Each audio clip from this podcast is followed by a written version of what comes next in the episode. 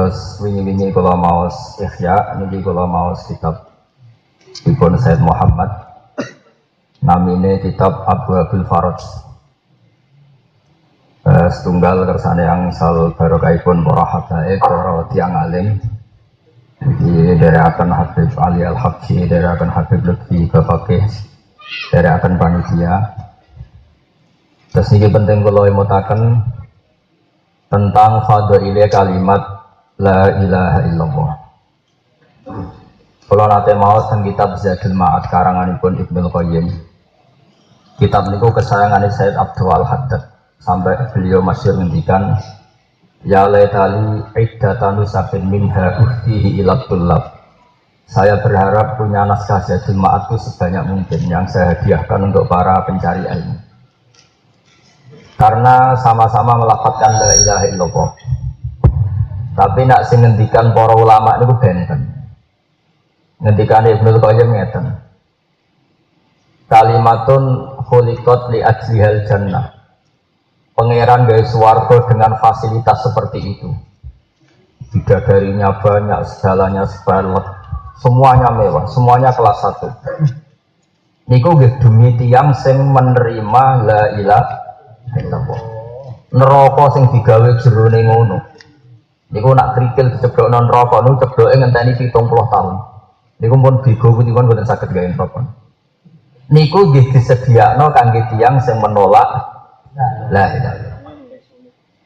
Kemudian karena Allah tahu manusia ini butuh latihan digawe langit bumi. Dia kangge tiang supaya diuji apakah menerima la illallah apa enggak. Diutuslah para rasul sebagai pembimbing. Wa ursilat biha ar-rusul. Rusul diutus niku dengan bimbing la ilaha illallah. Jenengan jika tempo urip 40 tahun, swidak tahun dia demi tempo dinteni nglafadzno la ilaha bahkan saking keramat la ilaha illallah niku tiang kafir wolong puluh tahun nopo sangang puluh tahun kok ape mati ngelafat no la ilaha illallah niku gue tetep dakhalal terus niki pulau matur sangat supados kita no la ilaha illallah bi aini takzim dengan bener-bener takzim dengan kualitas yang didawakan para ulama. Nah, sebagian itu diriwayatkan dening Said Muhammad niki kula Bismillahirrahmanirrahim. Waqat akhraja Ahmad wa Nasa'i wa Tirmidzi wa aidan min hadis Abdullah bin Amr. Anin Nabi sallallahu alaihi wasallam annahu qala Inna Allah ta'ala yastakhlisu rajulan min ummati ala ru'usil khalaik yaumal qiyamah Terus Allah memanggil salah satu umat salah satu umatku di depan para makhluk di depan umum yaumal qiyamah Fayan suruh alaihi tis'atan wa tis'ina sijillan. Kemudian di depan orang banyak itu si rojul tadi dikasih 99 bok per bok bok kotak niku. Lu sijil ini hami sumatil basor. Per bok kotak niku besarnya. Itu sepandang mata melihat. Kira-kira ya kalian nanti kudus itu per dan itu 99 bok semuanya berisi kesalahan semuanya kulu atung kiru min hadasean terus Allah itu sangat fair kata Allah Atung kiru min Apakah kamu ingkar terhadap ini? Azolamat kata bati al hafiduna. Apakah para penulis malaikat saya itu mendolimi kamu? Jika kira salah-salah lah ditulis salah dan jumlahnya. Terus payakulu. Allah masih tanya lagi. Apalaka udrun? Apa kamu dalam melakukan kesalahan ini karena kepeksa? Mau kepeksa bodoh, mau bodoh macam-macam lah. Kau kepeksa. Banyak itu orang salah karena kepeksa begitu sampai disuruh baris depan Allah sama istrinya suruh sini ikut ke sini karena tanggung takutnya sama istri itu. mulai Imam Syafi'i itu ulama top itu tidak berani punya istri hurrah apalagi orang di para geraga agak berani ya. Imam Syafi'i itu karena senang ilmu itu nggak berani punya istri merdeka dia cari amat yang pinter masak karena hobi beliau itu kalau ngaji santrinya dikasih makan jadi kalau ya Ali ngasih makanan ini yang kesekian kali ini sudah anut saja. Jadi mulai dulu gitu, hobinya ulama itu ngasih makan santri. Karena dia nggak ingin dibujuk akan pola itu nggak ingin pusing. Makanya saya dulu pas nikah itu bilang ke istri saya, sarannya nggak boleh usul, nggak boleh minta. Sampai sekarang istri saya tuh nggak pernah minta uang. Ini tanyakan adik saya di sini, nggak pernah. cukup, jadi nggak pernah minta tapi cukup. Ya dicukup cukup kan. Karena pasti habis. Ulama kalau punya istri rewel itu pasti habis. Habis betul. Masyur itu ada seorang istrinya keren sekali. Dia mau lapor ke Sidina Umar, pas nunggu Sidina Umar, dalam istrinya tuh geger pintu. Monggo, perawi pun bisa sih.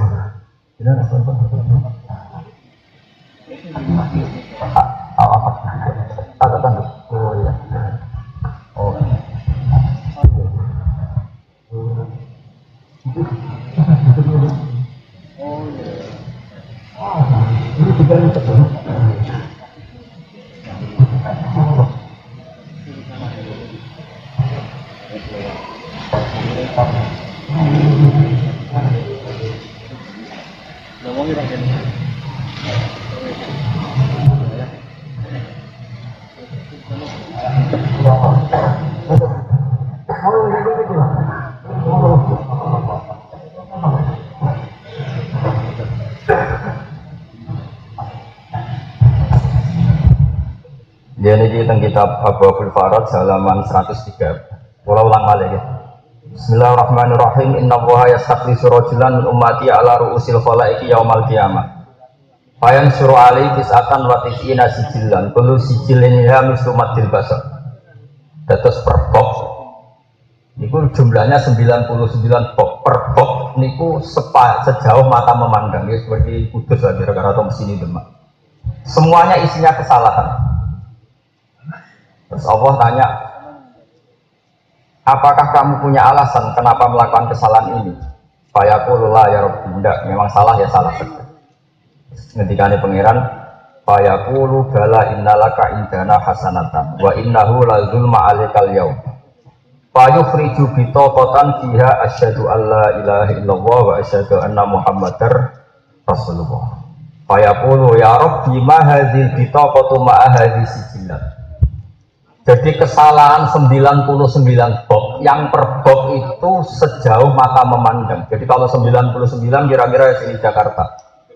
Allah hanya membawa satu lampir, satu lampir saja yang bertuliskan La ilaha illallah Muhammadur Rasulullah. Itu satu-satunya kebaikan dia. Makanya si Rasul tadi bilang, ya Allah apa artinya satu kebaikan itu dibanding 99 box kesalahan. Tapi kata Allah, Dawei Pangeran, La zulma alikal yaum Terus fato sat asijilat wa takulat al kitobatu pala yaskutu pala yaskulu ma'asmillahi ta'ala syai'un.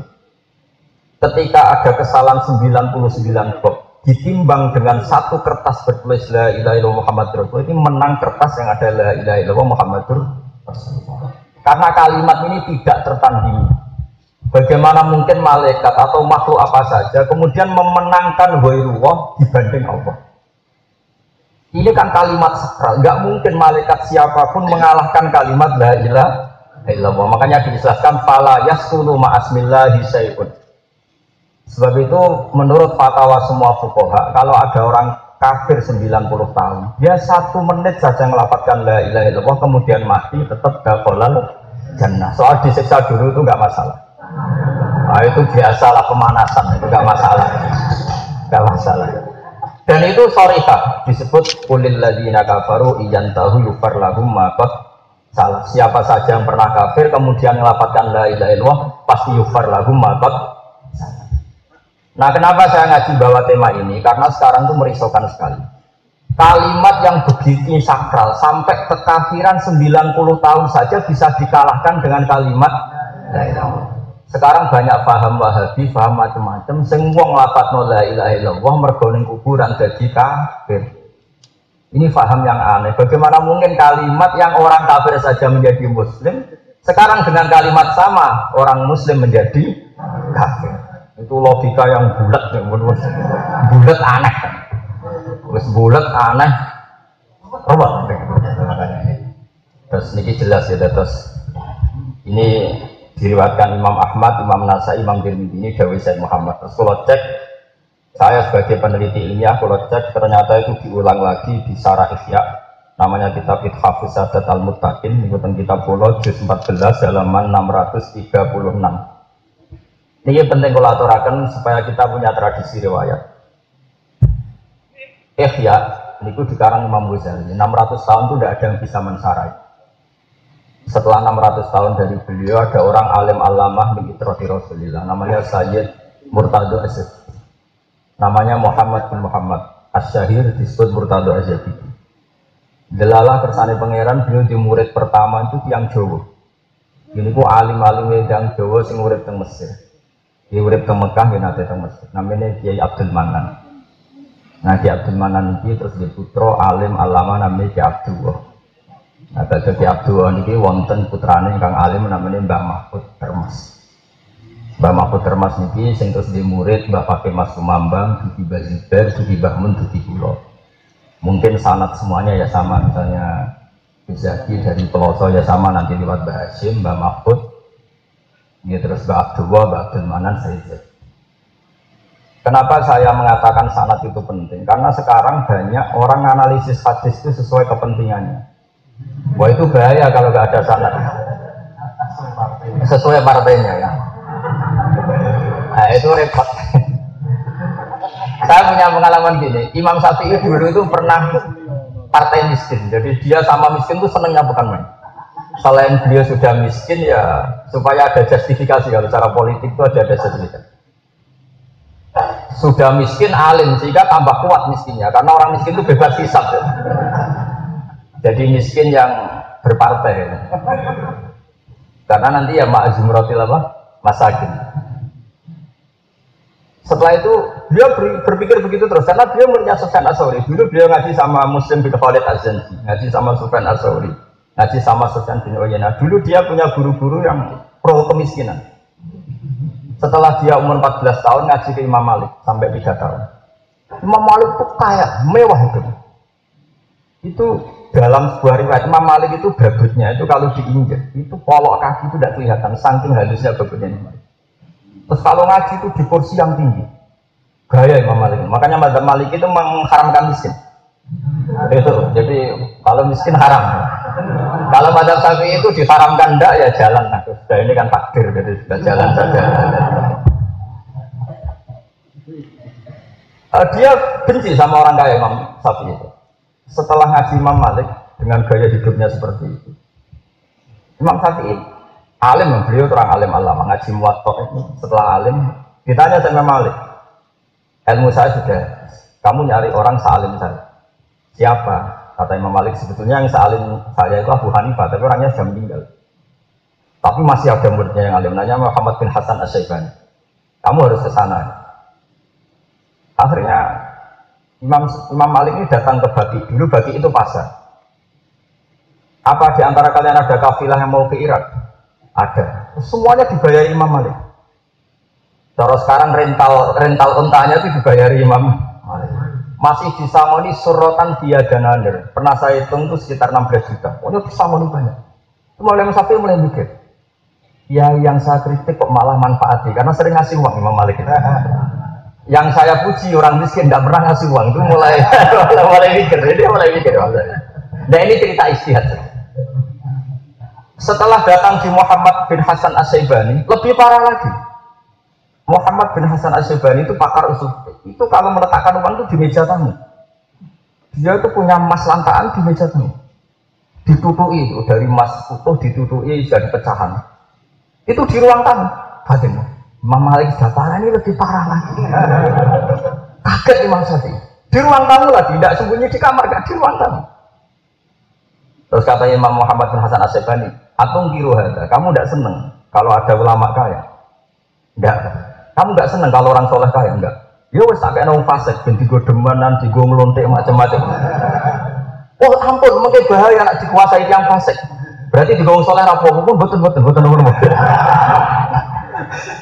Semenjak itu Imam Syafi'i itu mulai mikir bahwa orang soleh kaya itu tidak apa-apa. Kalau yang kaya orang dolim malah prono. Gitu. Semenjak itu beliau geluti ilmu namanya ilmu usul fikih. Makanya beliau masyur ngedikan Anna sufil fifi iya benih Abi Hanifah Sepinter-pinternya orang dalam usul fikih Pasti anak buahnya Abu Karena dia pinter gitu Bibarokati Muhammad bin Hasan Asyikban Itu tilmidu Abi Makanya ini kalau ngaji dengan sing partai miskin di monggo itu nggak apa-apa. Saya juga miskin lama dan sampai sekarang ya nggak kaya. Mau di atas satu rupiah Karena saya senior beliau di Anwar. Karena dia beliau sudah menang senior Habib jadi kalah. Kalah saya dalam hal lama di Anwar. Di Anwar berapa tahun? Belum. Belum. Kira. Gak mau kalah. Nah ini penting cerita usul fikih. Karena di Quran memang seperti itu. Nabi yang miskin ya banyak, yang kaya ya banyak. Sampai ada ayat am yahsidunan nasa ala ma atahum wa min fadli. Ataina ala Ibrahim al-kitab hikmata wa atainahum mulkan azim. Jadi banyak nabi yang jadi raja besar. Makanya ketika tadi Gus Yasin pidato secara politik, saya itu tidak kaget.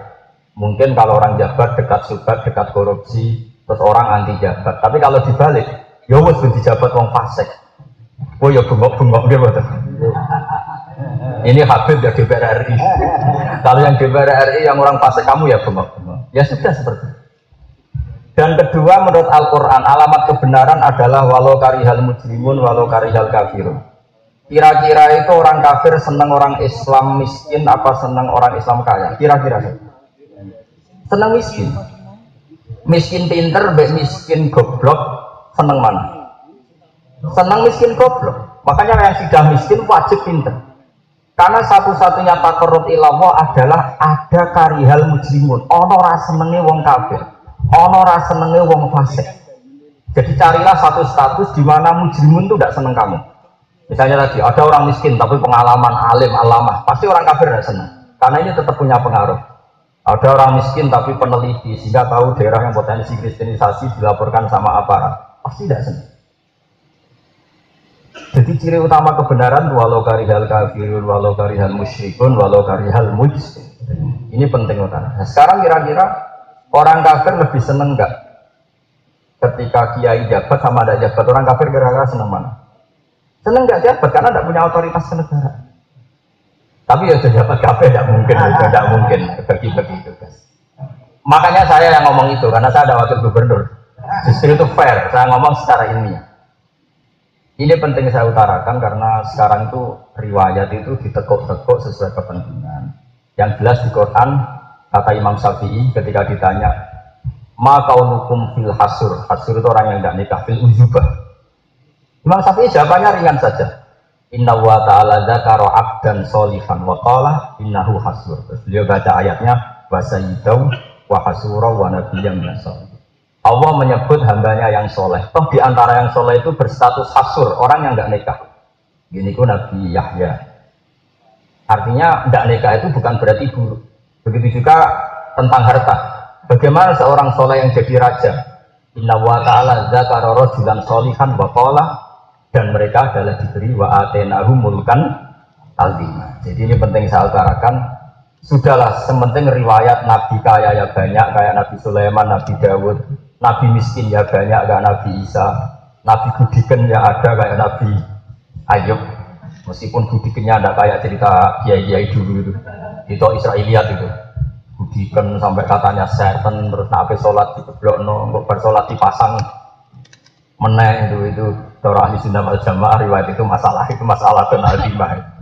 Tapi kalau untuk balik bagus biar seru.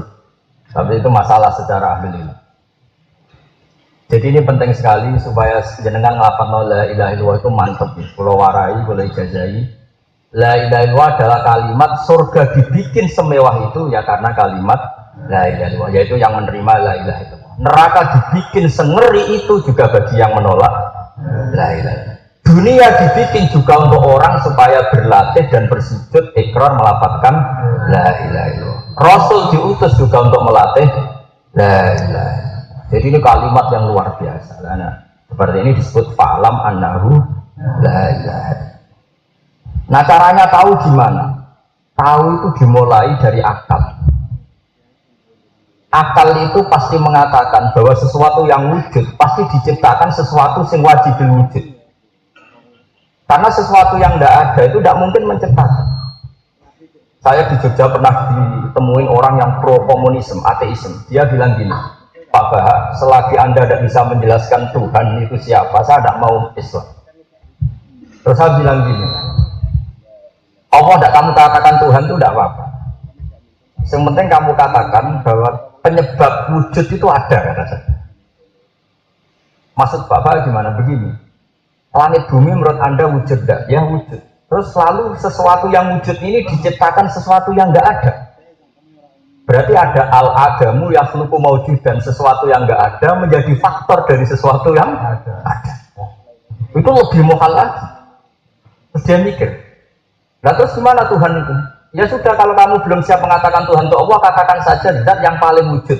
Nah kalau itu masuk akal katanya dia. Makanya sirinya, sebetulnya Quran itu ngajarkan pertama kita itu udah kalimat Allah. Iqra bismi rabbikal ladzi Ketika Allah menciptakan manusia dan bumi, Allah mengenalkan dirinya itu tidak langsung namanya Allah. Amkuliku min ghairi Masa alam raya ini diciptakan oleh sesuatu yang tidak wujud. Nah, baru Islam menerangkan sesuatu yang wajib wujud itu bernama Allah. Paham ini makanya sebenarnya ada urutannya. Makanya masyur kalau dalam kitab-kitab ilmu kalam Musab bibil asbab atau mujidul asya Akal hanya menentukan bahwa alam ini butuh mujid Butuh pemwujud yang mewujudkan Soal namanya itu lama kholalil akli Akal tidak ikut campur Yaitu hanya riwayat secara Islam yang menciptakan langit bumi disebut apa? Itulah pinternya ulama-ulama dulu ketika mensifati Allah itu dat sing wajibil wujud. Karena wujud langit bumi ini sudah nyata, tinggal nyari sebabnya siapa? Penyebabnya adalah zat yang di atas itu semua disebut wajibil Terus seorang tadi baru ikrar. Ya sudah lah Bapak, nggak masalah kalau Tuhan itu wajibil wujud atau wujud yang beresensi nggak masalah. Soal namanya Allah saya pikir dulu katanya sudah kamu pikir apa terus. Tapi teori ini penting. Saya termasuk orang ahli sunnah yang setuju model kitab Fathul Mu'in. Meskipun sebagian besar ahli sunnah tidak setuju. Kalau menurut teorinya Fathul Mu'in itu Allah itu mangkulun minal ilah. Lapat Allah itu dipindahkan secara alam dari lapat al-ilah. Lapat al-ilah ditakrif, dimarifatkan, kemudian ditafsir menjadi Allah. Jadi Allah itu maknanya Tuhan yang tak tapi menurut ahli sunnah yang lain kan nggak Allah itu tahu ya, ya sudah namanya Allah. Tapi setidaknya menurut falsumu ini itu lebih gampang. Artinya Allah itu nama dari apa yang kita sebut yaitu musabibul asbab atau al-ilah dari kata Tuhan. Dan itu lebih mudah karena di Quran misalnya ada pertanyaan kul ayu akbaru jahadah ulillah. Jadi ini penting saya utarakan supaya anda ini terbiasa pakai hujah-hujah Qur'aniyah yaitu caranya tadi. Misalnya Allah nggak dikatakan Tuhan kata Allah nggak apa-apa saya ada Tuhan tapi tunjukkan ada Tuhan yang lain yang lebih tangguh ketimbang saya. Kul ara'aitum ma tad'una min dunillah aruni ma dafalakum minal ardi ambahum syirkun fis samawat. Enggak apa-apa saya ada Tuhan, tapi carikan Tuhan yang menciptakan langit bumi. Buktikan ada Tuhan lain yang menciptakan langit bumi. Kan mereka tidak bisa buktikan. Misalnya mereka bilang Yesus Tuhan, Isa itu lahirnya di bumi, ada tanggalannya Masehi. Fir'aun apalagi? Fir'aun ngaku Tuhan itu dibantah sampai Nabi Musa. Tuhan itu Rabbus samawati wal ardi, yang menuhani langit dan bumi. Fir'aun masih enteng. Saya jalan-jalan ke mana-mana, tahunya Tuhan ya saya. Ma'alim tulakum min ilahin Kata Musa, Tuhan itu di langit. Malah Fir'aun manggil Haman, ya Haman menjadi surhala ali abdul asbab asbab samawati fa'atol ya ila ilahi Musa. Haman bangunkan aku piramida yang tinggi supaya aku bisa melihat Tuhannya Musa. Kok bodoh nih gitu. Akhirnya Musa mikir, ini debat Musa orang saraf ini enggak selesai. Akhirnya Nabi Musa sederhana, mensifati Tuhan langit bumi itu enggak, enggak, enggak mengalahkan Fir'aun. Allah mengajarkan Musa teori yang sederhana. Rabbukum wa rabbu abaikumul awal. Ya sengene enak ngono, pangeran sing mengerani buyutmu. Itu hadirin yang hadir, langsung ada yang iman. Nak pangeran itu Fir'aun, buyutnya rano pangeran dong, kan Fir'aunnya baru lahir. Fir'aun kaget, waduh. Karena kalau cerita Tuhan bumi, dia masih ke mana-mana dituhankan. Tuhan langit, dia masih berharap setelah piramida melihat Tuhannya Tuhannya Musa maksudnya. Setelah ada piramida, dia akan tetap tidak melihat. Terus makanya Nabi Musa ganti cara ini ganti kopling muni hukum wa robbu abaikumul awal. Yang menuhani nenek moyangmu. Nah ini semenjak itu ada wakola rojulum mu'minum min ali fir'aun nawa iman. Saat itu sudah ada yang iman.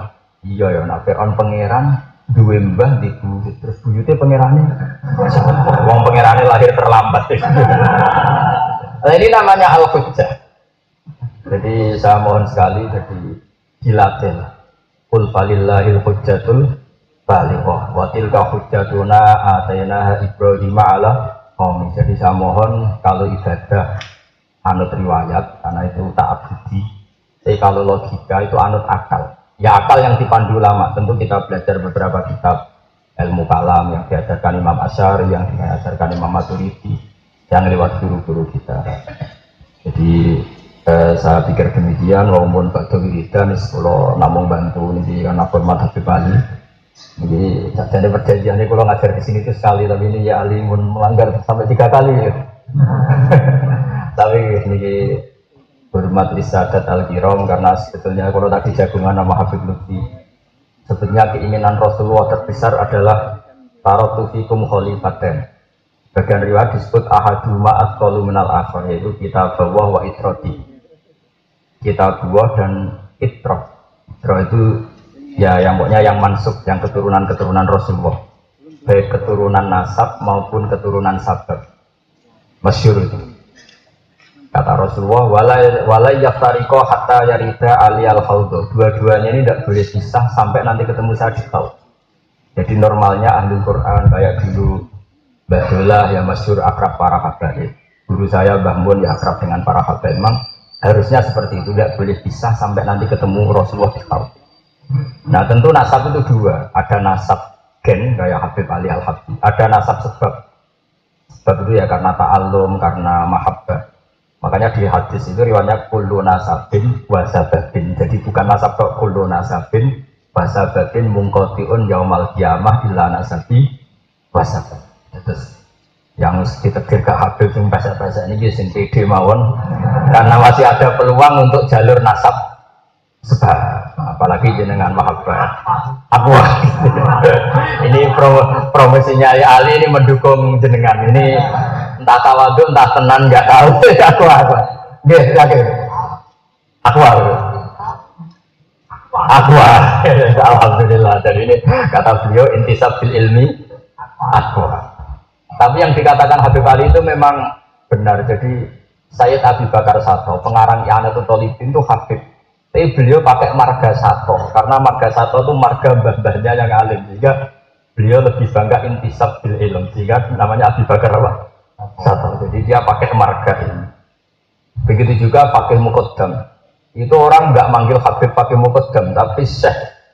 Syekh pakai mukodam. Syekh Abdul Qadir Jalani ya Syekh Abdul Qadir Jalani. Al Barjanji juga saya Al Barjanji. Sampai disebut fakih karena dia ahli Oke, pakai mukodam. Saya tahu banyak tentang biografi beliau karena saya sering baca kitab Al Masra'ur Rawi di mana kaki Ali Alami yang dikarang asli. Uh, ngapunten ingkang kata Assalamualaikum warahmatullahi wabarakatuh.